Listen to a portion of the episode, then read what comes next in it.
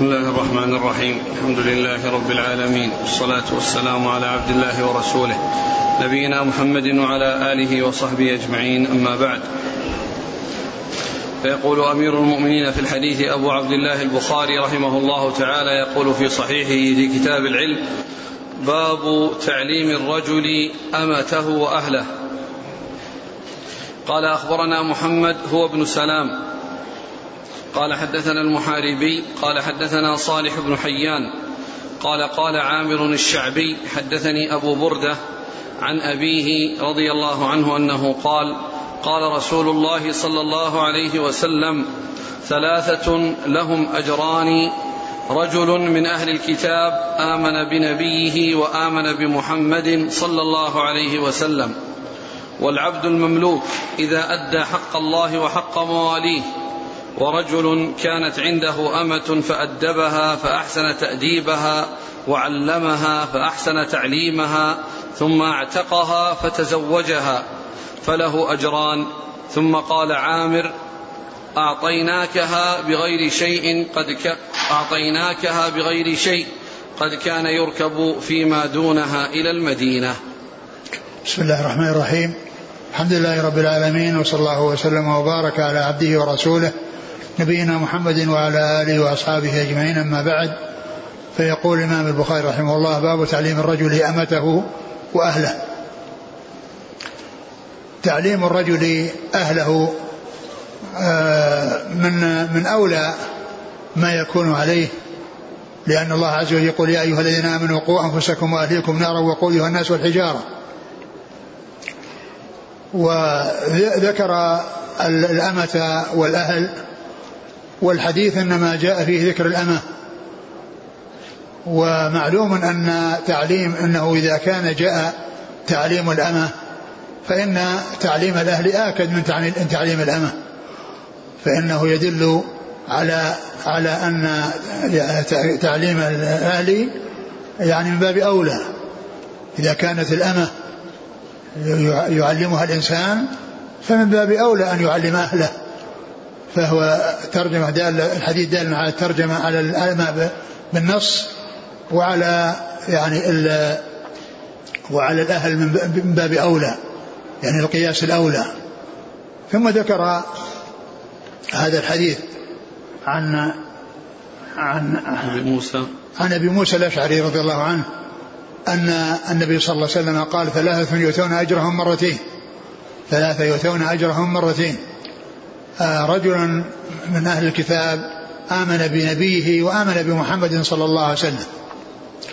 فيكون يعني حصل الأجر من جهة أنه كان مؤمن بالرسول الذي أرسل إليه ثم آمن بالرسول الكريم صلى الله عليه وسلم الذي بعثه الله رحمة للعالمين. فيكون له أجر مرتين لأنه آمن بالرسول صلى الله عليه وسلم وبمن قبله.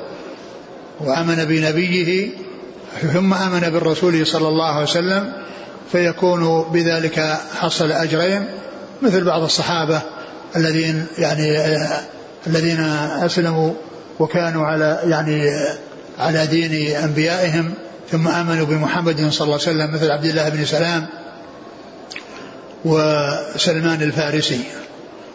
ثم آه الأول آه، رجل من أهل الكتاب آمن بنبيه ثم آمن بي والعبد المملوك إذا أدى حق الله وحق مواليه.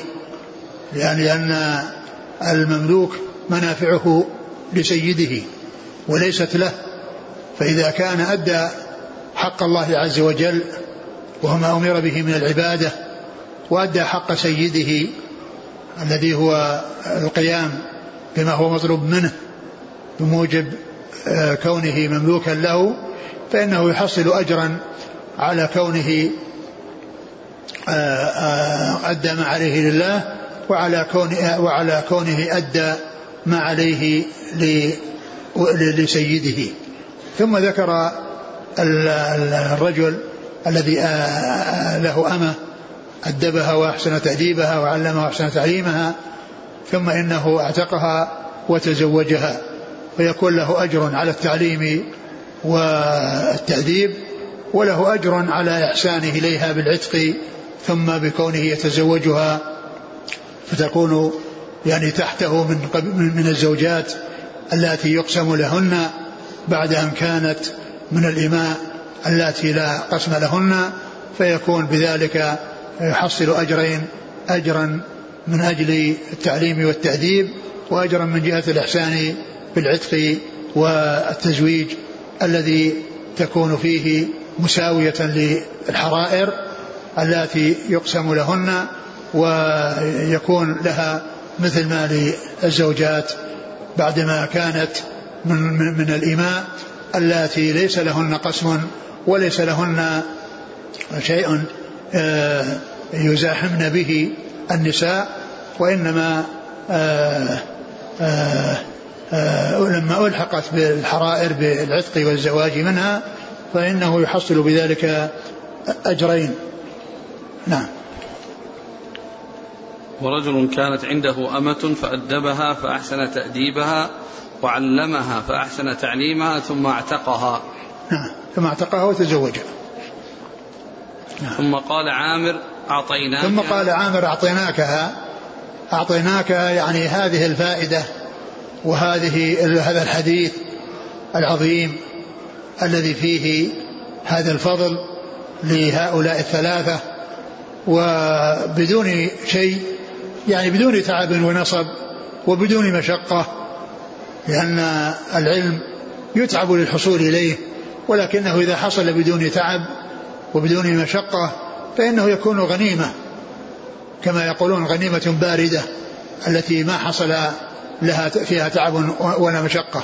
وإذا حصل العلم عن طريق مشقة فلا شك أنه غنيمة عظيمة. ولو حصل ما حصل من المشقة لأن بذل الوسع وحصول النصب والتعب لا شك أن هذا فيه الفائدة العظيمة ولهذا يقول يحيى بن أبي كثير اليمامي رحمه الله لا يستطاع العلم براحة الجسم لا يستطاع العلم براحة الجسم. ثم قال عامر يعني الشعبي أعطيناكها بدون شيء وقد كان يرحل بما هو دونها إلى المدينة. قد كان يرحل بما هو دونها من المدينة فيما هو أقل منها. يعني فيما هو أقل من هذه الفائدة ومن هذه المنفعة التي آه، أعطيت له بدون تعب ونصب. والمقصود من ذلك تحريضه على الحفاظ عليها وعلى الإبقاء عليها وعلى الاهتمام بها وأن هذا شيء حصله بدون مشقة فعليه أن يحافظ عليه وأن يعنى بالإبقاء عليه ليحصل هذا الأجر العظيم والثواب الجزيل من الله سبحانه وتعالى.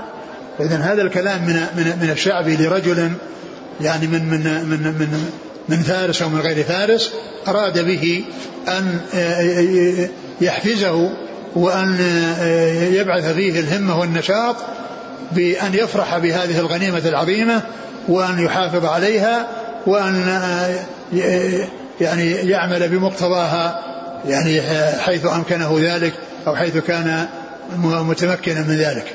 نعم. أعطيناكها بغير شيء قد كان يركب فيما دونها إلى المدينة. يركب يعني يرحل. وقيل إنه من مكة. يعني قال إن, إن هذا إنه من مكة.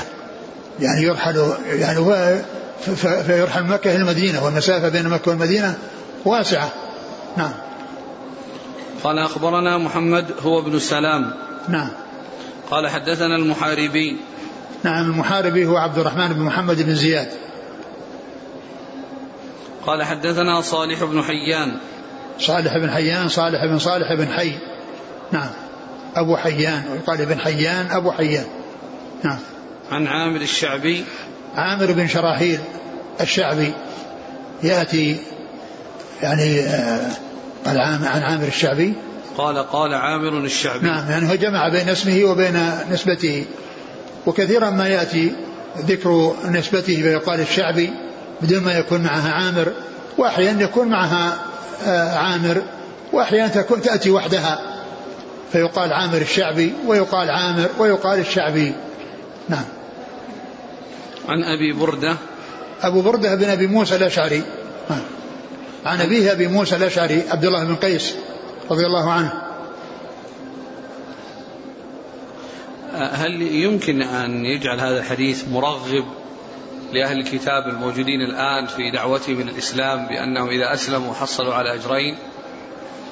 ولا شك يعني هم يدعون إلى الإسلام يدعون إلى الإسلام وإذا كانوا يعني يعني مؤمنين بأنبيائهم مؤمنين بنبيهم ولكنهم يعني مشركون بالله عز وجل ولأنهم يعني على يعني منهج غير صحيح ف يعني الذي كان يعني مؤمنا وكان على دين نبيه ثم دخل في الإسلام فإنه يحصل أجرين. أما إذا كان مشركا آآ آآ يعبد غير الله فإن الشرك يجب ما قبله الإسلام يجب ما قبله كما قال أما حديث عمرو عاصم علمت أن الإسلام يهدم ما كان قبله وأن الهجرة تهدم ما قبلها وأن الحج يهدم ما كان قبله. لقول الحافظ قال ويشكل عليه أن النبي صلى الله عليه وسلم كتب إلى هرقل. يؤتك الله أجرك مرتين. وهرقل ممن دخل في النصرانية بعد التبديل. نعم يعني ليس أقول ليس من الذي كان يعني على اليهودية ثم يعني كفر بعيسى. فإن هذا يكون يعني لا يحصل شيئا كما قال الحافظ بن حجر. أما إذا كان يعني ما حصل منه كفر بنبي وإنما دخل يعني في في دين يعني ليس يعني كان على غير دين ثم صار إلى دين. فلا شك أنها الرسول صلى الله عليه وسلم قال له أسلم تسلم يؤتك الله أجرك مرتين. ثم أيضا يعني هرقل يعني عنده شيء آخر وهو أنه يعني متبوع والمتبوع إذا يعني إذا أسلم يعني يحصل له يعني آه، مضاعفة الأجر ويحصل له الأجر العظيم بسبب كونه متبوع. ولهذا الرسول صلى الله عليه وسلم كان يعني كان يحصل منه التأليف. المؤلف قلوبهم الذين يعني هم الرؤساء والكبار الذين إذا أسلموا تبعهم غيرهم آه، يعني معاملتهم والحرص عليهم ليس مثل الأشخاص العاديين الذين الذين هم تابعون وليسوا متبوعين نعم. قال رحمه الله تعالى باب عظة الإمام النساء وتعليمهن. قال حدثنا سليمان بن حرب قال حدثنا شعبة عن أيوب قال سمعت عطاء قال سمعت ابن عباس رضي الله عنهما قال أشهد على النبي صلى الله عليه وسلم أو قال عطاء أشهد على ابن عباس أن رسول الله صلى الله عليه وسلم خرج ومعه بلال فظن أنه لم يسمع فوعظهن وأمرهن بالصدقة فجعلت المرأة تلقي القرط والخاتم وبلال يأخذ في طرف ثوبه. وقال إسماعيل عن أيوب عن عطاء وقال عن ابن عباس أشهد على النبي صلى الله عليه وسلم. ثم ذكر عظة النساء وتعليمهن. العظة, العظة يعني من الوعظ والتذكير والترقيق للقلوب. والاتيان بشيء يؤثر على القلوب ويجعلها تخشع وتلين بذكر ما يرغب وما يزجر يعني الترغيب والترهيب الذي يحصل به التأثير على النفوس وعلى القلوب وعلى العيون كما جاء في حديث العرباض بن سارية رضي الله عنه قال وعظنا رسول الله صلى الله عليه وسلم موعظة بليغة وجلت منها القلوب وذرفت منها العيون. وجلت منها القلوب وذرفت منها العيون. فالمواعظ هي التي تؤثر في القلوب وتؤثر في النفوس والتعليم هو تعليم الأحكام وتعليم الأحكام الشرعية. ف يعني المواعظ في الترغيب والترهيب والتعليم يكون في بيان الأحكام الشرعية. ومن المعلوم أيضا أن التعليم يعني يكون أوسع من من من الوعظ لأن التعليم يكون بالشيء الذي يوعظ به والشيء الذي يوصى به الذي هو التعليم. مثل ما يكون يعني في العلم يدرس كتاب الرقائق وكتاب الزهد وكتاب كذا وهي يعني من, من, من, من, من كتب العلم وما يتعلق بالعلم وكذلك يدرس ما يتعلق بالطهارة ما يتعلق بالصلاة ما يتعلق بالزكاة ما يتعلق بالصيام ما يتعلق بالحج الذي هو تعليم أمور الدين. فالرسول عليه الصلاة والسلام في هذا الحديث حديث ابن عباس خطب صلى الناس يوم العيد ثم رأى أنه لم يسمع يعني أن كأن الصوت ما بلغ النساء. فذهب إليهن وذكرهن ووعظهن وعلمهن ووعظهن. ذهب إليهن ومعه ابن عباس وبلال فجعل يذكرهن ويعلمهن ومما ذكرهن به آه، إيش قال الحديث؟ قال آه، إيش قال في الحديث؟ قال فظن أنه لم يسمع فوعظهن وأمرهن بالصدقة قال فوعظهن يعني هذا هو وعظهن يعني ذكرهن وأمرهن بالصدقة وهذا من التعليم يعني التعليم بالصدقة والترغيب الأمر بالصدقة أمر أمر وعظهن وأمرهن بالصدقة. وأمرهن بالصدقة. لأن الصدقة تكون من أسباب تكفير الذنوب وتكفير الخطايا ورفعة الدرجات لأن فيها النفع المتعدي الذي يكون به الإحسان إلى الغير. فيكون الإنسان بذلك يعني أفاد غيره وذكر غيره ووعظ غيره فذكرهن فوعظهن وأمر وأمرهن بالصدقة. وأمرهن بالصدقة نعم. فجعلت المرأة تلقي القرط. فبادرت النساء اللاتي وعظهن رسول الله صلى الله عليه وسلم وذكرهن ولم ينتظرن إلى أن يذهبن للبيت ويأتين بشيء ما عندهن أو يتصدقن يعني بشيء مما عندهن بل بادرن إلى ما هو متعلق ما هو عالق بهن وما هو من فيهن من الزينة ومع معهن من الزينة فجعلت المرأة تأخذ القرط والخاتم. تأخذ القرط من أذنها والخاتم من إصبعها وترميه في هذا المكان الذي آه، يجمع فيه والذي توضع فيه تلك الصدقات من, من هؤلاء النسوة. وهذا يدل على المبادرة مبادرتهن رضي الله عنهن وأرضاهن إلى آه، الصدقة وإلى الإحسان وحبهن للخير ومبادرتهن إليه رضي الله عنهن وأرضاهن. ثم أيضا فيه دليل على أن المرأة لها أن تكون عليها زينتها وهي خارجة من بيتها لصلاة العيد يعني مثل زينة مخفية مثل أقراط في في أذنيها وهي قد غطت رأسها ووجهها. وكذلك في أصبعها وقد غطت يديها فإن فإن ذلك يعني يدل على على على على سواء نسائر لأنهن تصدقن من شيء بأيديهن وآذانهن. فهذا يدل على أن المرأة يعني أنها لها أن الأشياء التي كانت يعني في جسدها يعني هي لا لا تتجمل به للخروج ولكن حيث يكون عليها هذا الجمال فإنها تذهب به وتخرج به لكنها تستره عن الناس بحيث لا يراه أحد ويفتتن به. ف آه، آه، وفيه أيضا يعني كون المرأة تتصدق بدون إذن زوجها تصدق بدون إذن زوجها من مالها وأنه لا يحتاج الأمر إلى أن تستأذنه لكنها إذا كان هناك بينها وبينه وئام ووفاق وكان معاملة طيبة وأنها تستشيره في ما تصرف فيه من مالها لا شك أن هذا مما يزيد في الألفة وما يزيد في المودة وأما كونها تتصرف وتقوم بالتصرف بالبيع والشراء والإعطاء آه، فهذا حقها وهذا يعني مما مما لها التصرف فيه. وهذا الفعل يدل على ذلك فعلهن يعني هذا الفعل الذي فعلنهن فعلنه في هذا المكان أو في هذا الموطن يعني دال على ذلك. فجعلنا.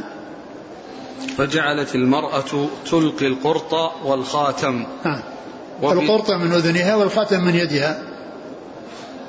وبلال يأخذ في طرف ثوبه. نعم. وقال إسماعيل عن أيوب عن عطاء وقال عن ابن عباس أشهد على النبي صلى الله عليه وسلم. أه الحديث الإسناد شو؟ الإسناد هذا. قال حدثنا سليمان بن حرب. لا ثاني. وقال إسماعيل عن أيوب عن عطاء وقال عن ابن عباس أشهد على النبي صلى الله عليه وسلم. أعد أعد الإسناد. قال الأول؟ لا ثاني. وقال إسماعيل عن أيوب عن عطاء وقال عن ابن عباس أشهد على النبي صلى الله عليه وسلم. الإسناد الأول؟ قال حدثنا سليمان بن حرب قال حدثنا شعبة عن أيوب قال سمعت عطاء قال سمعت ابن عباس قال أشهد على النبي صلى الله عليه وسلم. لأن الحديث الأول فيه الشك هل هو الشهادة من عطاء على ابن عباس؟ يشهد أن ابن عباس قال كذا أو أن شهادة من ابن عباس على الرسول صلى الله عليه وسلم أن الرسول صلى الله عليه وسلم قال كذا. فالطريقة الثانية فيها عدم الشك. وأن الذي قال أشهد هو ابن عباس يضيف ذلك إلى الرسول صلى الله عليه وسلم. وكلمة أشهد هذه تدل على زيادة التثبت وزيادة التحقق من الشيء الذي يحدث به وأنه يخبر عن شيء يعني واثق منه ومتحقق منه وأنه كأنه بمثابة الشهادة التي آه، يعني يحتاج فيها إلى التوثق وإلى العناية التامة. فالحديث الأول فيه الشك يعني الطريقة الأولى التي ساقها المصنف مسندة فيها الشك هل الذي قال أشهد هو عطاء أو الذي قال أشهد هو ابن عباس. يشهد عطاء أن ابن عباس يشهد عطاء على ابن عباس أو يشهد آه، ابن عباس على الرسول صلى الله عليه وسلم. الطريقة الثانية فيها ذكر الشهادة التي هي أنها مضافة إلى الرسول صلى الله عليه وسلم من ابن عباس. نعم. قال حدثنا سليمان بن حرب نعم. عن شعبة نعم. عن أيوب أيوب بن أبي تميم السختياني. عن عطاء عطاء بن أبي رباح. عن ابن نعم. عباس. نعم. وقال إسماعيل إسماعيل هو بن علية. عن أيوب عن عطاء عن ابن عباس. نعم. قال رحمه الله تعالى باب الحرص على الحديث. قال حدثنا عبد العزيز بن عبد الله قال حدثني سليمان عن عمرو بن أبي عمرو عن عن سعيد بن أبي سعيد المقبري عن أبي هريرة رضي الله عنه أنه قال قيل يا رسول الله من أسعد الناس بشفاعتك يوم القيامة قال رسول الله صلى الله عليه وسلم لقد ظننت يا أبا هريرة الا يسألني عن هذا الحديث أحد أول منك لما رأيت من حرصك على الحديث أسعد الناس بشفاعتي يوم القيامة. من قال لا إله إلا الله خالصا من قلبه أو نفسه. ثم ذكر آه، الحرص على الحديث. يعني الحرص على تحصيله والحرص على طلبه والعناية للوصول إليه. وذكر هذا الحديث عن أبي هريرة. وكان السائل آه، الذي سأل هو أبو هريرة رضي الله عنه. والحديث في هذا اللفظ الموجود يعني كأنه يشعر بأن السائل غير أبي هريرة لأنه قال قيل يا رسول الله قال قيل فقيل في بعض النسخ غير موجودة فقيل إنها يعني إنها إنها زائدة وأن الأصل قال يعني أبو هريرة يعني من أسعد الناس أو, أو أنها يعني أنها من, من قلت يعني أن فيه يعني أن فيها تقديم وتأخير أو تصحيف. لكن ال ال ال الكلام هو أن أبو هريرة هو السائل ولهذا جاء في الحديث نفسه ما أحد أن أحد يسأل غيرك. فلو كان أن السائل غيره ما كان يخاطب بهذا الخطاب. فإذا قيل هذه لا توجد في بعض النسخ وعدم وجودها هو هو المستقيم مع مع ما جاء في الحديث من أن من أن أبو هريرة آه يعني آه الحديث يدل على حرصه وأن النبي صلى الله عليه وسلم قال لقد ظننت ما أنه ليس لا يسأل أحد عن هذا السؤال مثلك. يعني لعنايته وحرصه على السؤال. وهذا من أسباب كثرة حديث رضي الله عنه وأرضاه.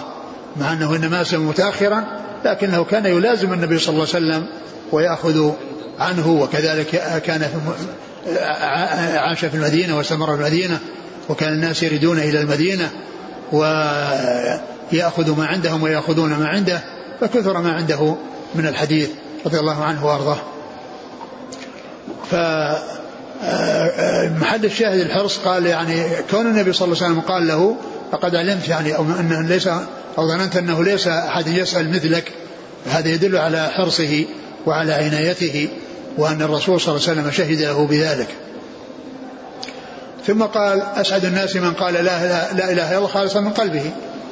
من قال لا إله إلا الله يعني فكان مسلما وبذلك لم يكن من المشركين لأنه خرج من الشرك بكونه قال لا إله إلا الله وكون شهد لا إله إلا الله محمد رسول الله والكافر يسلم بالشهادتين. الكافر يدخل الإسلام بالشهادتين.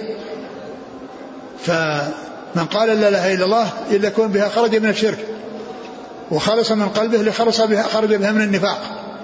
يعني كونه يعني خالصا من قلبه المنافق يعني كما هو معلوم عنده ظاهر وعنده باطن.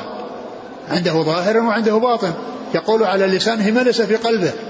يقول الشيء في لسانه ولا يطابق ما جاء في قلبه. فقوله صلى الله عليه وسلم هنا قال لا إله إلا الله يخرج المشرك وقول خالصا من قلبه أو من نفسه يخرج المنافق. وأنه قال ذلك يعني فسلم من الكفر وسلم من أن سلم من النفاق.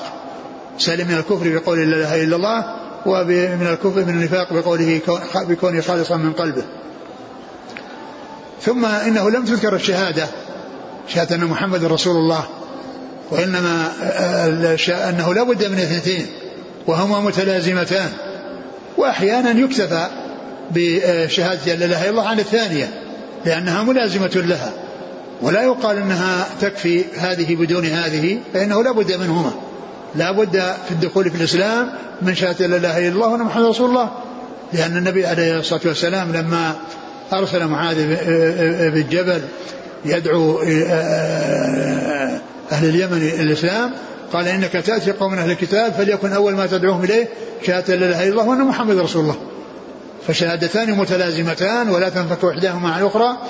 وقد يكتفى بذكر الأولى عن الثانية يعني على اعتبار أنها تذكر آه، آه، آه، اكتفاء بها لأن الأخرى لازمة لها ولا تنفك عنها ولا يعني أنها إذا ذكرت وحدها أنها تكفي بدون الشهادة الثانية التي هي الشهادة للرسول صلى الله عليه وسلم بالرسالة فإن هذا شيء لا بد منه.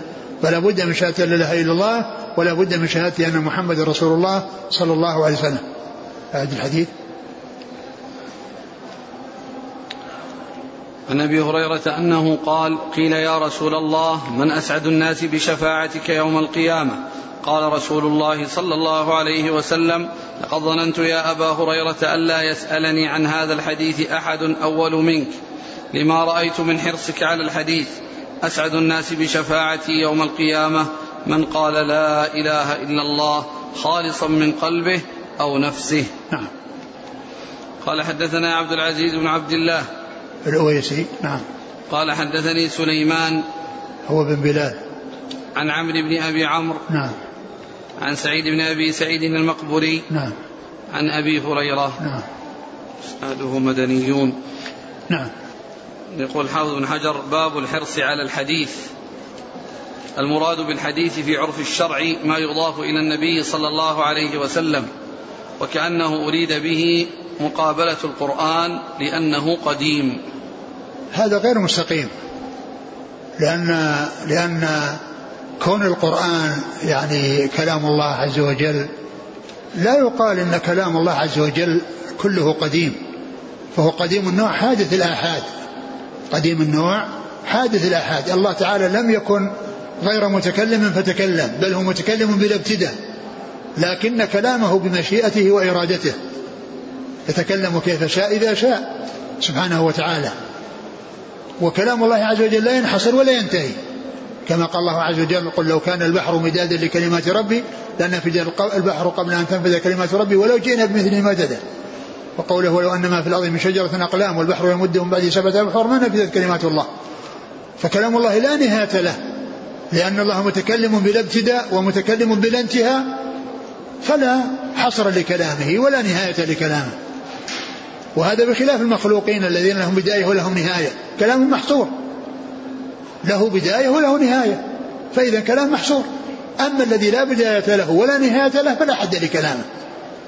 فلا يقال يعني أن, أن, أن كلمة الحديث هذه جاءت من أجل مقابلة القديم. لأن أن القرآن قديم. القرآن قديم وهذا حديث.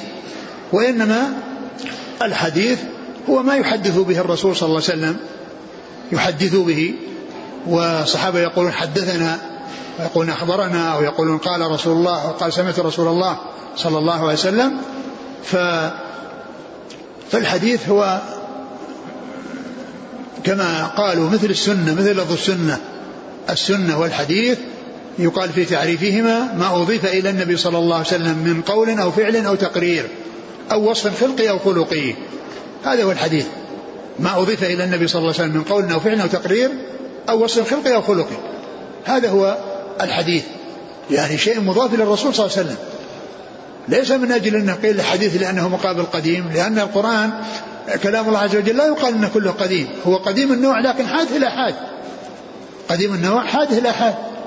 يعني أن الله عز وجل كلم كلم موسى في كلام في زمانه. الكلام اللي حصل لموسى حصل في زمن موسى. وسمعه موسى من الله. تكلم الله به في زمن موسى وسمعه موسى. وإذا دخل الجنة الجنة يكلمهم. وليس معنى ذلك أن أن كلام الله كله قديم وأن ما في شيء يتعلق بشيء. هذا غير صحيح. بل هو قديم النوع حادث الآحاد. والله تعالى يتكلم بمشيئته وإرادته وكلامه لا بداية له ولا نهاية له ولا حصر له. فهذا التعبير الذي ذكره الحافظ غير مستقيم. لأنه أنه مقابل للقرآن لأنه قديم. وإنما الحديث هو لأن الرسول صلى الله عليه وسلم حدث به ومعلوم أن الحديث هو ما ما يتحدث به وما يحصل من من من, من الإنسان حديث الإنسان حديث النفس. كل هذا يعني يقال له يعني يضع أن حديث لكنه في اصطلاح المحدثين ما أضيف إلى النبي صلى الله عليه وسلم من قول أو فعل أو تقرير أو وصف خلقي أو خلقي. أو وصف خلقي أو خلقي؟ نعم. أنه نسب إلى الله ومن أصدق من الله حديثا. نعم كذلك. نعم كذا ما أصدق من الله حديثا ما أصدق من الله قيلا. نعم. فبأي حديث بعده يؤمنون؟ قال رحمه الله تعالى باب كيف يقبض العلم. وكتب عمر بن عبد العزيز إلى أبي بكر بن حزم. انظر ما كان من حديث رسول الله صلى الله عليه وسلم فاكتبه فإني خفت دروس العلم وذهاب العلماء. ولا تقبل إلا حديث النبي صلى الله عليه وسلم. ولتفشوا ولتفشوا العلم. ولتجلسوا حتى يعلم من لا يعلم فإن العلم لا يهلك حتى يكون سرا. ثم ذكر باب كيف يقبض العلم. يقبض العلم بقبض أهله وبقبض حملته كما جاء في الحديث الذي سيأتي بعد هذا وهو أن أنه يذهب بذهاب أهله. لا يقبض الله العلم انتزاعا ينتزع من قلوب الرجال ولكنه يقبضه بموت العلماء. فإذا ماتوا ذهب علمهم معهم الذي في في, في صدورهم وفي عقولهم وأذهانهم يذهب معهم. لا يبقى بعد ذلك إلا ما ورثوه أما من كتابة أو من تعليم تلاميذ أخذوا عنهم فينشرون ذلك العلم ويبلغونه. ف آه، آه، هنا بين الترجمة كيف يقبض العلم والحديث سيأتي يعني في بيان الكيفية وهي أنه بقبض أهله مبينا وموضحا في حج الرسول صلى الله عليه وسلم. ثم ذكر هذا الأثر عن عمر بن العزيز أنه كتب إلى أبي بكر بن محمد بن حزم أن اكتب مع انظر. انظر. ما كان من حديث رسول الله صلى الله عليه وسلم فاكتبه. فإني خفت دروس العلم وذهاب العلماء. آه انظر ما كان من حديث رسول الله صلى الله عليه وسلم فاكتبه. يعني عمر بن العزيز رحمة الله عليه كان على رأس المئة. كان على رأس المئة الأولى. وكان الصحابة يعتمدون على الحفظ وكذلك التابعون يعتمدون على الحفظ. لكن الحفظ قد يحصل فيه يعني شيء من من من, من النسيان أو شيء من الخطأ. لكن إذا دون الشيء وكتب فإنه يؤمن على بقائه وعلى سلامته. فعمر رضي الله عنه أراد كتابة الحديث وأن يكتب حديث الرسول صلى الله عليه وسلم. يعني لا يكتب غيره. يعني حتى لا يختلط بغيره لا يكتب آثار وكلام الصحابة وإنما كلام الرسول صلى الله عليه وسلم وحديث الرسول عليه الصلاة والسلام هو الذي يكتب وهو الذي يدون يعني حتى يحافظ عليه وحتى يبقى عليه دون أن يذهب بذهاب أهله. قال انظر ما كان من حديث رسول الله فاكتبه فإني خشيت دروس العلم وموت العلماء. وذهاب العلماء. وذهاب العلماء. يعني دروس العلم دراسة. الدروس يعني اندراس كونه يندرس ويتلاشى ويضمحل. ومعلوم أن الدروس دروس العلم يكون بالإعراض عنه وبالغفلة وعدم المداومة والمذاكرة. فإن الشيء عندما لا ينميه الإنسان ويحرص الإنسان على مذاكرته فإنه يتلاشى ويضمحل لأن أن ينسى وأما إذا كان يذاكر به ويعلم فإنه يبقى يبقى بسبب ذلك فإن خشي دروس العلم وذهاب العلماء ذهاب العلماء بموتهم. نعم. ولا تقبل إلا حديث النبي صلى الله عليه وسلم. نعم يعني حتى لا يختلط حديث الرسول صلى الله عليه وسلم بغيره. يشتغل الناس بحديث الرسول صلى الله عليه وسلم لأنه هو العمدة وهو الحجة وأما كلام غيره ليس بحجة.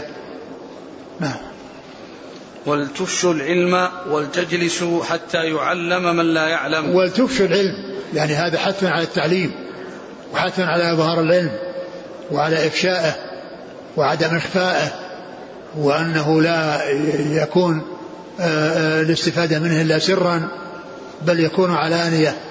حتى يستفيد من يريد الفائدة وحتى تعم الفائدة ولتفشي العلم ولتجلسوا ولتجلسوا حتى يعلم من لا يعلم. حتى يعلم من, ي... من لم يعلم من لم يعلم. من لا يعلم. من لا يعلم. ولتجلسوا يعني للتعليم حتى يعلم من لا يعلم. يعني من لا يكون عنده علم يكون عنده علم. فإن فإن العلم لا يهلك حتى يكون سرا. فإن العلم لا, لا يهلك. نعم. يعني يهلك يضيع. حتى يكون سرا يعني ما ينشر ولا يعلن ولا يبذل لكل من أراده وإنما يكون للإنسان نفسه أو للخواص الذين يختص يختصهم ويحرم من سواهم وإنما يبذل العلم لكل من أراده.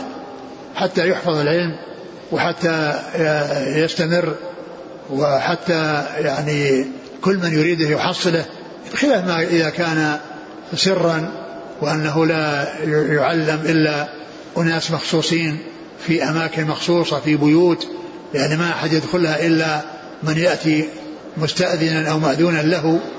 نعم. قال حدثنا العلاء بن عبد الجبار قال حدثنا عبد العزيز بن مسلم عن عبد الله بن دينار بذلك يعني حديث عمر بن عبد العزيز إلى قوله ذهاب العلماء. نعم ثم ذكر هذه الطريقة المعلقة التي فيها يعني ذكر ال ال الأثر ولكنه أخصر من الأول. نعم. قال حدثنا العلاء بن عبد الجبار نعم. عن عبد العزيز بن مسلم نعم. عن عبد الله بن دينار نعم. عن عمر بن عبد العزيز عن أبي بكر بن حزم. نعم. قال حدثنا إسماعيل بن أبي أويس.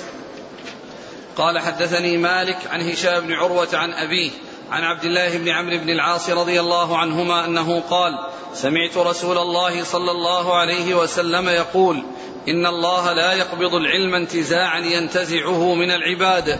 ولكن يقبض العلم بقبض العلماء حتى إذا لم يبق عالما اتخذ الناس رؤوسا جهالا فسئلوا فأفتوا بغير علم فضلوا وأضلوا قال الفربري حدثنا عباس قال حدثنا قتيبة قال حدثنا جرير عن هشام نحوه أعد الفربري قال قال الفربري نعم. حدثنا عباس قال حدثنا قتيبة قال حدثنا جرير عن هشام نحوه.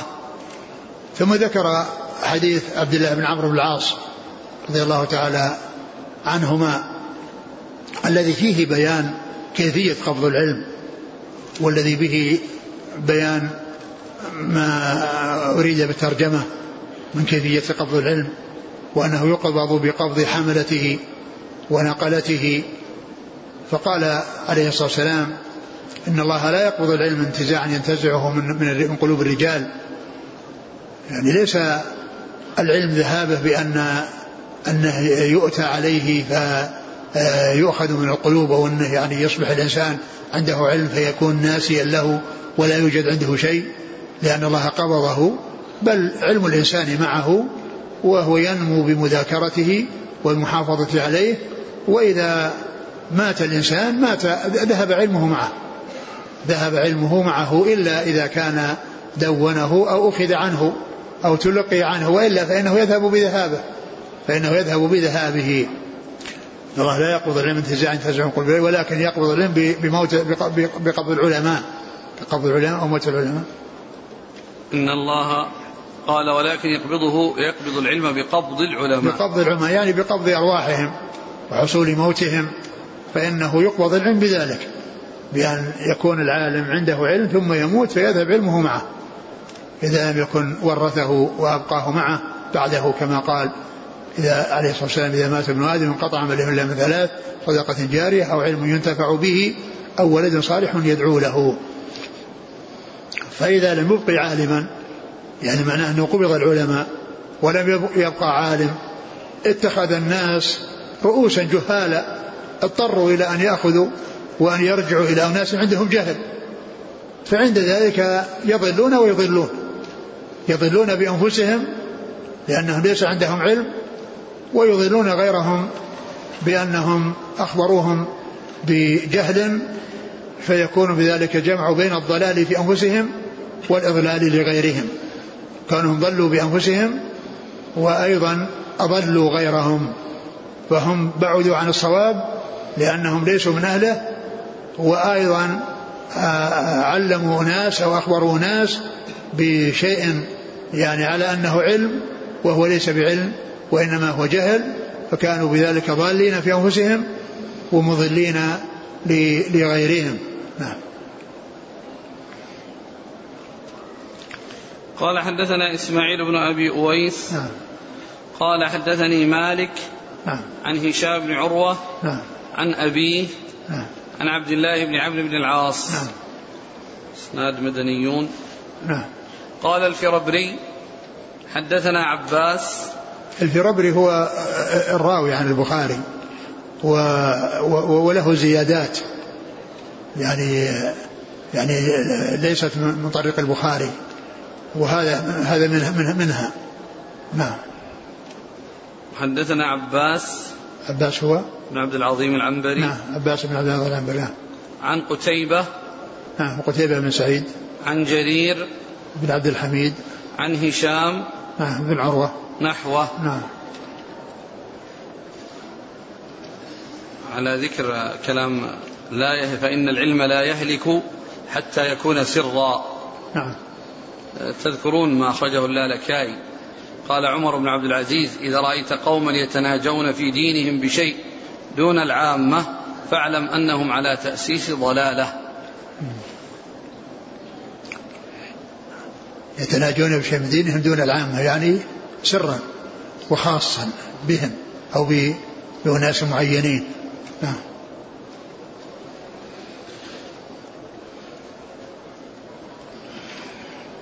قال رحمه الله تعالى باب هل يجعل للنساء يوم على حدة في العلم؟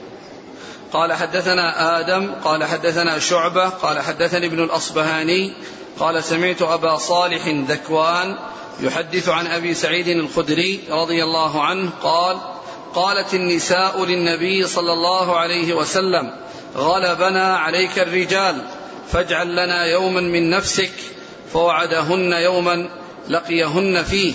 فوعظهن وأمرهن فكان فيما قال لهن. ما منكن امرأة تقدم ثلاثة من ولدها إلا كان لها حجابا من النار. فقالت امرأة واثنتين فقال واثنتين. ثم ذكر باب هل يجعل للنساء يوما على حدة يعلمهن؟ ها؟ يجعل للنساء يوما على حدة في العلم. نعم. هل يجعل للنساء يوما على حدة في العلم؟ يعني لتعليمهن. آه وهذا يدل على أن النساء ما كنا يحضرن مع الرجال ولا يختلطن بالرجال. يعني عندما يكون في حلق العلم و وإنما يعني الذين يحضرون المجالس هم الرجال والنساء لا يخالطن الرجال. وإذا جئنا للصلاة فإن صفوفهن متأخرة عن الرجال ومتميزات عن الرجال فلا يكون بينهم الاختلاط. وأن يعني يكون المدرس أمامه رجال ونساء يعني مختلطين و يعني آه، آه، آه، لا فرق بين الرجل والمرأة. ما كان هذا هديه صلى الله عليه وسلم وإنما كان يحضر مجالس الرجال. كثيرا ما تأتي الأحاديث فيها أن الرسول كان جالسا مع أصحابه. ولهذا النساء احتجن إلى أن يلتقين به وأن يحدثهن وأن يأتيهن ويعظهن ويذكرهن على سبيل الخصوص بهن. فقال قال قالت امرأة غلبنا عليك الرجال. يعني الرجال هم الذين يحضرون مجالسك وهم الذين يأخذون عنك. ولهذا كما كما هو مشاهد الأحاديث هي عند الرجال وأحاديث النساء قليلة. والكتب التي تؤلف يعني في الرجال يعني أكثرها في الرجال والنساء تأتي في الآخر. وعددها محدود جدا. بالنسبة للرجال وذلك لأن الرجال هم الذين يحضرون المجالس وهم الذين يسافرون ويرحلون لتحصيل العلم فتكثر رواياتهم وتكثر أحاديثهم. ف وهذا يدل أيضا على كمال آه، حرص الصحابيات رضي الله عنهن وأرضاهن على تلقي السنن عن رسول الله صلى الله عليه وسلم. ولما كانت زوجاته يعني آه، اجتماعه بهن واتصاله بهن. كانت السنن تأتي عن طريقهن ولا سيما عن عائشة رضي الله عنها التي روت الكثير مما يتعلق بالبيوت مما يجري في بيته صلى الله عليه وسلم. فإن هذه الأمور إنما آه، آه، جاءت عن طريق عائشة رضي الله عنها فهي من أوعية السنة وحفظ حفظ الله بها كثيرا من سنة الرسول صلى الله عليه وسلم. التي هي من خواص البيوت والتي تجري في البيوت فكان نساؤه رضي الله عنهن بصلتهن به يعني عندهن من العلم يعني ما ليس عند عند عند غيرهن. وعائشة رضي الله عنها متميزة على الجميع بكثرة الحديث ولهذا هي من السبعة الذين عرفوا بكثرة الحديث عن النبي صلى الله عليه وسلم. ستة رجال وامرأة واحدة هي أم المؤمنين عائشة رضي الله عنها وأرضاها. قال غلبنا عليك الرجال. فهذا يدلنا على أن النساء لا يختلطن مع الرجال وأن ما يجري في كثير من البلدان من اختلاط الرجال بالنساء ودراستهن مع الرجال أن هذا من أعظم الفتن وأعظم البلاء الذي ابتلي به المسلمون. وكثير من الشرور وكثير من الفواحش إنما تأتي بمثل هذا الاتصال لا سيما مع ما هو موجود في هذا الزمان من التحلل والتبرج وكون النساء في كثير من البلاد يخرجن كثيرا من من من أجسامهن ويختلطن بالرجال فصارت الفتن والبلاء والفواحش يعني هذا من أسبابها. نعم. قالت النساء للنبي صلى الله عليه وسلم غلبنا عليك الرجال فاجعل لنا يوما من نفسك فوعدهن يوما لقيهن فيه فوعظهن وأمرهن فكان فيما قال لهن ما منكن امرأة تقدم ثلاثة من ولدها إلا كان لها حجابا من النار. فقالت امرأة واثنتين. قال فقال واثنتين. ثم ذكر يعني آه هذا الحديث قال ما منكن ما منكن امرأة نعم. تقدم. يعني كان حد يعني جاء إليهن وعدهن ووفى بوعده صلى الله عليه وسلم وجاء إليهن وذكرهن وأمرهن وكان مما قاله وكان مما قاله هذا الحديث الذي ما من امرأة تقدم ثلاثة من أولادها إلا كانوا حجابا له من النار. إلا كانوا حجابا له من النار. يعني وقاية. يعني من النار يعني كونهم يعني ماتوا وصاروا أفراطا و يعني يكون شفعاء له وكذلك يحصل له المصيبة يعني فيهم فيصبر فيؤجر على ذلك فيكون تكون الفائدة له من جهة صبره عن المصيبة وأنه يؤجر عليها ومن جهة أنهم يشفعون له يوم القيامة. نعم. فقال واثنين قال واثنين قال واثنين قال واثنين يعني إن أنها سئل يعني لما ذكر الثلاثة سئل عما هو دونها عما هو دونها. وجاء في بعض الروايات بعض الأحاديث هو واحد. وجاء في حديث يعني في هذا يعني ذكره الحافظ بن حجر وهو آه، حديث يدل على أن من إذا قبضت صفية من أهل الدنيا ليس له جزاء للجنة وكذا. نعم. قال حدثنا آدم ابن أبي ياس عن شعبة نعم. عن ابن الأصبهاني هو عبد الرحمن. ابن عبد الله الأصبهاني نعم. عن أبي صالح ذكوان نعم. عن أبي سعيد الخدري نعم. قال حدثنا محمد بن بشار قال حدثنا غندر قال حدثنا شعبة عن عبد الرحمن بن الأصبهاني عن ذكوان عن أبي سعيد الخدري رضي الله عنه عن النبي صلى الله عليه وسلم بهذا. ثم ذكر نعم. نعم. بهذا بس انتهى. وعن عبد الرحمن بن الأصبهاني قال سمعت أبا حازم عن أبي هريرة قال ثلاثة لم يبلغوا الحنث. نعم. ثم ذكر هذه الطريقة الأخرى وفيها فائدة عن الأولى أن فيها تسمية ابن الأصبهاني لأنه في الأولى قال ابن الأصبهاني والثاني قال عبد الرحمن فكان فيه التسمية الطريقة الثانية فيه التسمية. وفيها أيضا هذه فائدة من حيث الإسناد وفي فائدة من حيث المتن وهي أن هؤلاء الذين قدموا لم يبلغوا الحنث يعني معناه لم يبلغوا التكليف. ما بلغوا أن يكونوا يأثمون يعني إذا تركوا أو إذا فعلوا لأنه رفع عنهم القلم لأن القلم مرفوع عن عن الصغار حتى يبلغوا. فهنا ذكر لم يبلغوا الحنث يعني معناه أنهم صغار يعني ولهذا تكون المصيبة يعني فيهم كبيرة. بخلاف الكبار فإنه قد يحصل حقوق منهم قد يحصل منهم حقوق فلا يصير يعني فقده مثل فقد يعني هذا الذي لم يبلغ الحنث لم يبلغ الحنث. فيكون هذا هذه الطريقة الثانية فيها فائدة إسنادية وفائدة متنية. الإسنادية بتسمية ابن الأصبهاني والمتنية بكون هؤلاء الذين قدموا لم يبلغوا الحنث يعني لم يبلغوا سن التكليف وأن المصيبة فيهم تكون عظيمة لا سيما إذا كان الإنسان يعني يكون أول مولود له أو في أول أولاده فإن المصيبة تكون عظيمة.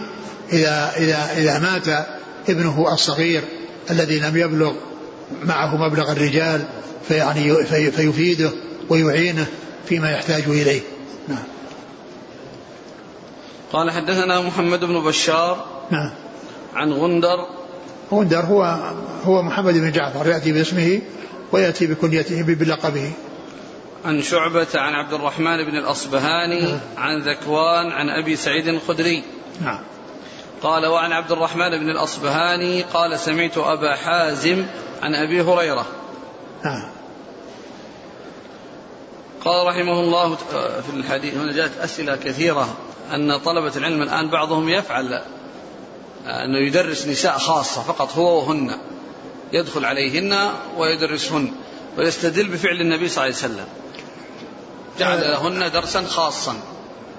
آه، معلوم أن يعني اجتماع الرجل بالنساء يعني وحدهن نعم إذا كان يعني لا يرى يعني آه، ما يحصل منه يعني يعني في فتنة بحيث يعني يفتتن بها بهن إذا كان يعني لا يرى هذا الأمر فيه واضح. والرسول صلى الله عليه وسلم معلوم أنه يعني ليس كغيره وأنه هو القدوة والأسوة ولكن كون الرجل يعني يكون مع النساء ويختلط بهن ويكون سافرات وهو يعني قد يكون في في جماله وحسنه لا شك أن هذا فيه فتنة. فالنساء يعلمهن يعلمهن النساء والرجال يعلمون الرجال. طيب لو قال لا هن متسترات كل واحدة مغطية وجهها آه آه كون النساء يعني هن هن يتولين ذلك لا شك أن هذا هو المطلوب. ثم أيضا يمكن أن يفيدهن من من من وراء ستار مثل ما هو موجود الآن يعني يدر يعني يدرس الإنسان النساء دون أن يراهن. يعني يقال خصوصية؟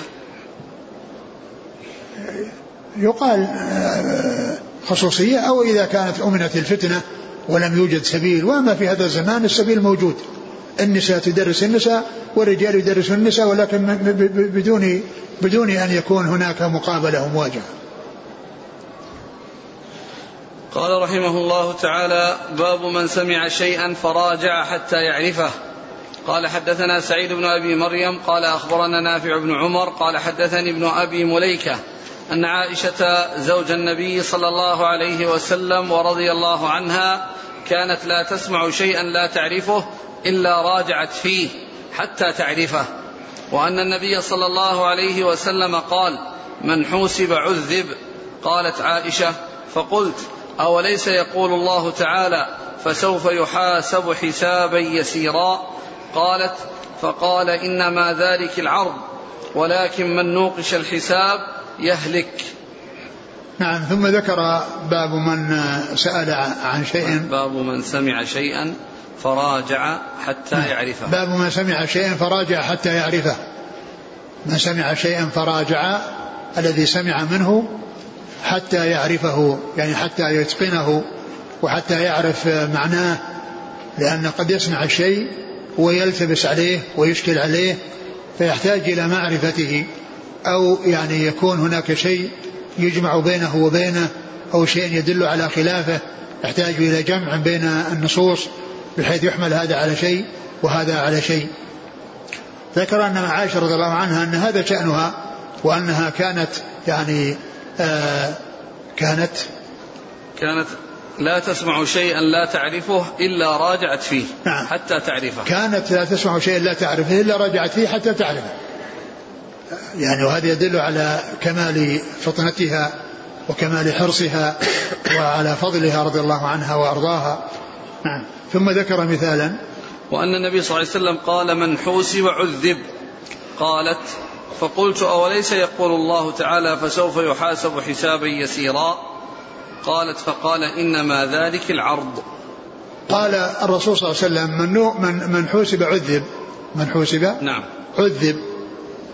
فالرسول صلى الله عليه وسلم في هذا الكلام يعني فهمت عائشة منه أن من حصل له الحساب فإنه يعذب. من حصل أنه حوسب فإنه يعذب. وقد جاء في القرآن فأما من أوتي الكتاب بيمينه فسوف يحاسب حسابا يسيرا وينقلب إلى أهله مسرورا. ما ذكر عذاب وإنما ذكر يعني نعيم. حوسب ولكنه حصل له يعني الفائدة وحصل له النعمة وحصل له الشيء الذي يعني يريده من السلامة والعافية وتحصيل الخير. قالت ليس الله يقول كذا؟ الحديث يقول من نوقش الحساب من حسب عذب. يعني معناه أن التعذيب جاء وراء الحساب. والقرآن جاء فيه أن الحساب يوجد ويوجد وراءه السرور وعدم العذاب. فقال إنما ذلك العرض. إنما ذلك العرض. يعني أن العرض على الله عز وجل يعني من يعني الناس يعرضون عليه لكن من نوقش هو الذي يعذب. من حوسب هو الذي يعذب من نوقش الحساب هو الذي يعذب من نوقش. نعم. لأن الله عز وجل إذا تجاوز عن الإنسان يعني لا يناقش الحساب. يتجاوز عنه ولا يناقش. ويكون بذلك سالما من العذاب. لكن من نوقش على يعني النعم التي أنعم الله بها عليه وكذلك على الذنوب التي تحصل منه ولم يحصل له التجاوز فإنه يعذب. فإذا هذا العذاب الذي يكون يعني آآ آآ لمن حوسب يعني لمن, لمن نوقش الحساب. أما مجرد الحساب فإنه قد يكون إنه فإنه يكون معه السلامة. فسوف يحاسب حسابا يسيرا وينقلب إلى أهله مسرورا. قال إنما ذلك العرض. ولكن من نوقش الحساب عذب. يعني معناه من حوسب عذب يعني من نوقش الحساب عذب. هذا هو. يعني وضح المراد بقوله من حوسب عذب بأنه من نوقش الحساب عذب أما من لم يناقش الحساب فلا يعذب وهو الذي يدخل تحت قوله فسوف يحاسب حسابا يسيرا وينقلب إلى أهله مسرورا يعني العرض تعرض أعمال فقط. نعم نعم العرض على الله عز وجل تعرض الأعمال. نعم. وقد تعرض الأعمال والله تعالى يتجاوز وقد لا يعني يعني ولا يناقش. نعم. ولكن من نوقش الحساب يهلك. نعم هذا هو يهلك يعني يعذب. هو الذي يدخل تحت قوله من حسب عذب المقصود به من نوقش الحساب. قال حدثنا سعيد بن أبي مريم. نعم. عن نافع بن عمر. نعم. عن ابن أبي مليكة. نعم. عن عائشة رضي الله عنها. نعم. قال رحمه الله تعالى باب ليبلغ العلم ليبلغ العلم الشاهد الغائب. والله تعالى أعلم وصلى الله وسلم وبارك على عبده ورسوله نبينا محمد وعلى آله وأصحابه أجمعين. جزاكم الله خيرا وبارك الله فيكم. ألهمكم الله الصواب ووفقكم للحق. نفعنا الله بما سمعنا غفر الله لنا ولكم وللمسلمين أجمعين. آمين. الأخ يسأل يقول ولكن من نوقش الحساب يهلك. على هذا إذا نقسم الحساب إلى نوعين عرض والمناقشة. إيه لا شك الناس يعني آه، في عرض ومناقشة نعم. وهل المناقشة تكون ابتداء من العبد أو من الرب؟ العبد هو الذي يناقش مو بيناقش. يقول آه، حديث البطاقة العبد الذي تعرض ذنوبه وكلمه الله هل هذا مما يعتبر نوقش الحساب؟ الذي يبدو أنه لم يناقش الحساب. ما, ما لم يناقش الحساب يعني هذه السجلات الكثيرة. يعني ما ما, ما نوقش عليها. يقول آه، شيخنا أشكل علي إدخالكم سلمان الفارسي في الحديث الأول يؤتون أجرهم مرتين. يقول لأنه هو أصلا ليس من الكتاب. لا هو فيه هو الحافظ ذكر مثالين هو سلمان ولا واحد ثاني في, في الشرح يعني؟ ذكر مثالين عبد الله بن سلام واحد ثاني ما أدري هذا. وكان يعني في هو دخل في النصرانية وكذا يعني فيه في يعني مدي هو ولا غيره؟ سلمان الفارسي نعم. هذا للشيخ الآن المثالان.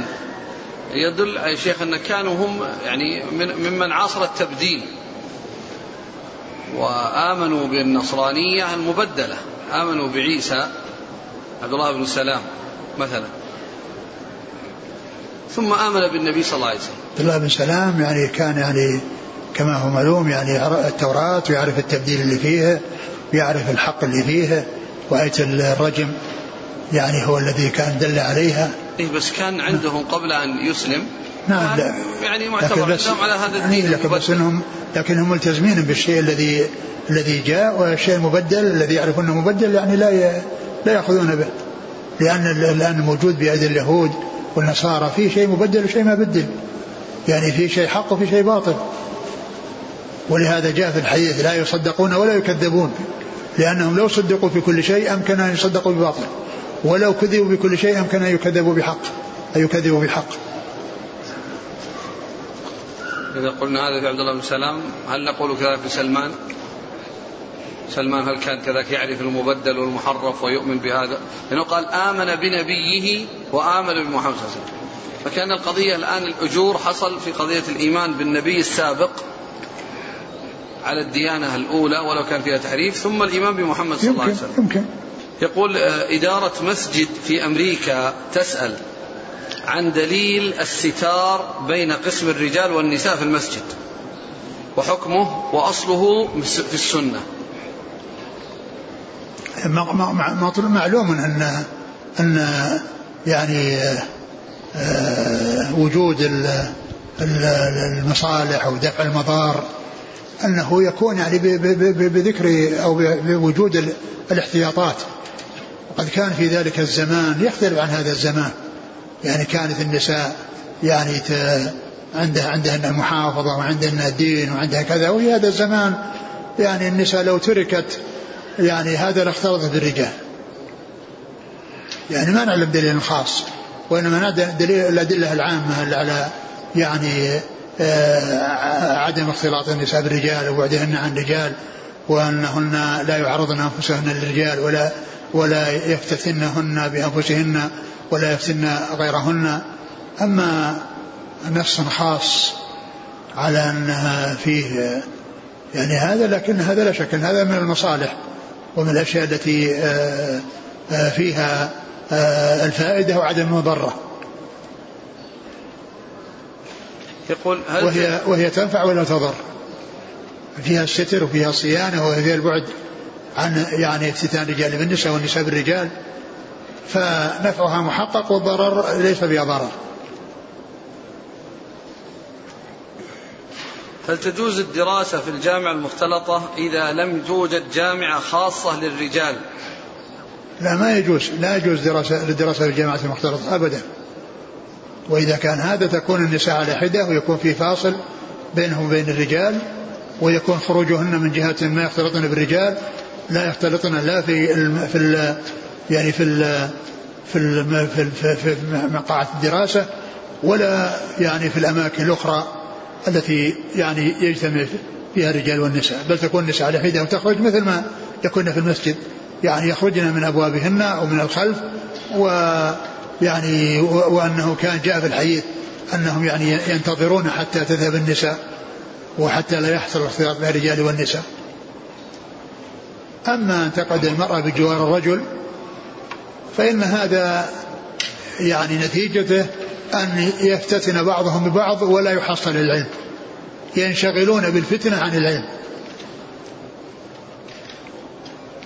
يقول فضيلة الشيخ هل يصح أن يقال إن الصدقة ترد البلاء؟ لا شك أن أن أن أن, أن, أن يعني من أسباب دفع البلاء ودفع الشرور لا شك الصدقة أقول هي من من من, من, من أسباب دفع البلاء. رجل لا يصلي وتقول ابنته أنه لا يؤمن بالآخرة. يتبع أحد كبار رجال الطرق الصوفية. إذا مات هل ترثه بنته؟ لا. ما في توارث. ما في توارث بين المسلمين والكفار. وإذا لم ترث فهل لها أن تأخذ هذا المال الذي هو نصيبها في الإرث وتتصدق به كله؟ لا توارث بين المسلمين والكفار. يقول حفظك الله هل حرم المدينة مثل حرم مكة من حيث حرمة الصيد؟ اي نعم. الصيد حرام في مكة والمدينة. يعني آه، الرسول صلى الله عليه وسلم قال يعني إن الله حرم إبراهيم حرم مكة وان حرم المدينة لا يصاد صيدها ولا يعني ولا يعني لا يصاد صيدها ولا يقطع شجرها. نفس الكلام الذي جاء في مكة جاء في المدينة. كذلك يقول من حيث الذي يعمل. وحتى اللقطة أيضا. وحتى اللقطة يعني الكلام الذي في مكة جاء في المدينة. من ناحية أنها لا, لا يعني لا تملك وإنما تعرف دائما. والسبب أن مكة والمدينة الناس يقصدونها يقصدون هذه المسجدين المسجد الحرام والمسجد النبوي ويترددون عليهما. فالإنسان قد يضيع حقه في سنة ثم يأتي بعد سنتين أو ثلاث يعني زائرا أو حاجا فيسأل فيجد حاجته أو يجد ضالته أو مفقوده. يقول أحسن الله إليكم ما حكم صرف المكافأة التي تنزل بمناسبة معرض الكتاب في غير شراء الكتب. إيش الكتاب؟ يقول المكافأة التي تنزل بمناسبة معرض الكتاب. إيش معنى المكافأة؟ صرف المكافأة. طلاب لهم مكافأة بدل كتب. أيوة نعم, نعم. تنزل في مناسبة معرض الكتاب. نعم. فهل فهل يجوز أن تصرف في غير شراء الكتب؟ والله إذا كان الإنسان أعطي شيء من أجل أنه يعني آه، يكون يتعلق بموضوع دراسته وبكونه سلاح يعني له ما ينبغي له أن يصرف هذا الشيء إلا فيما خصص له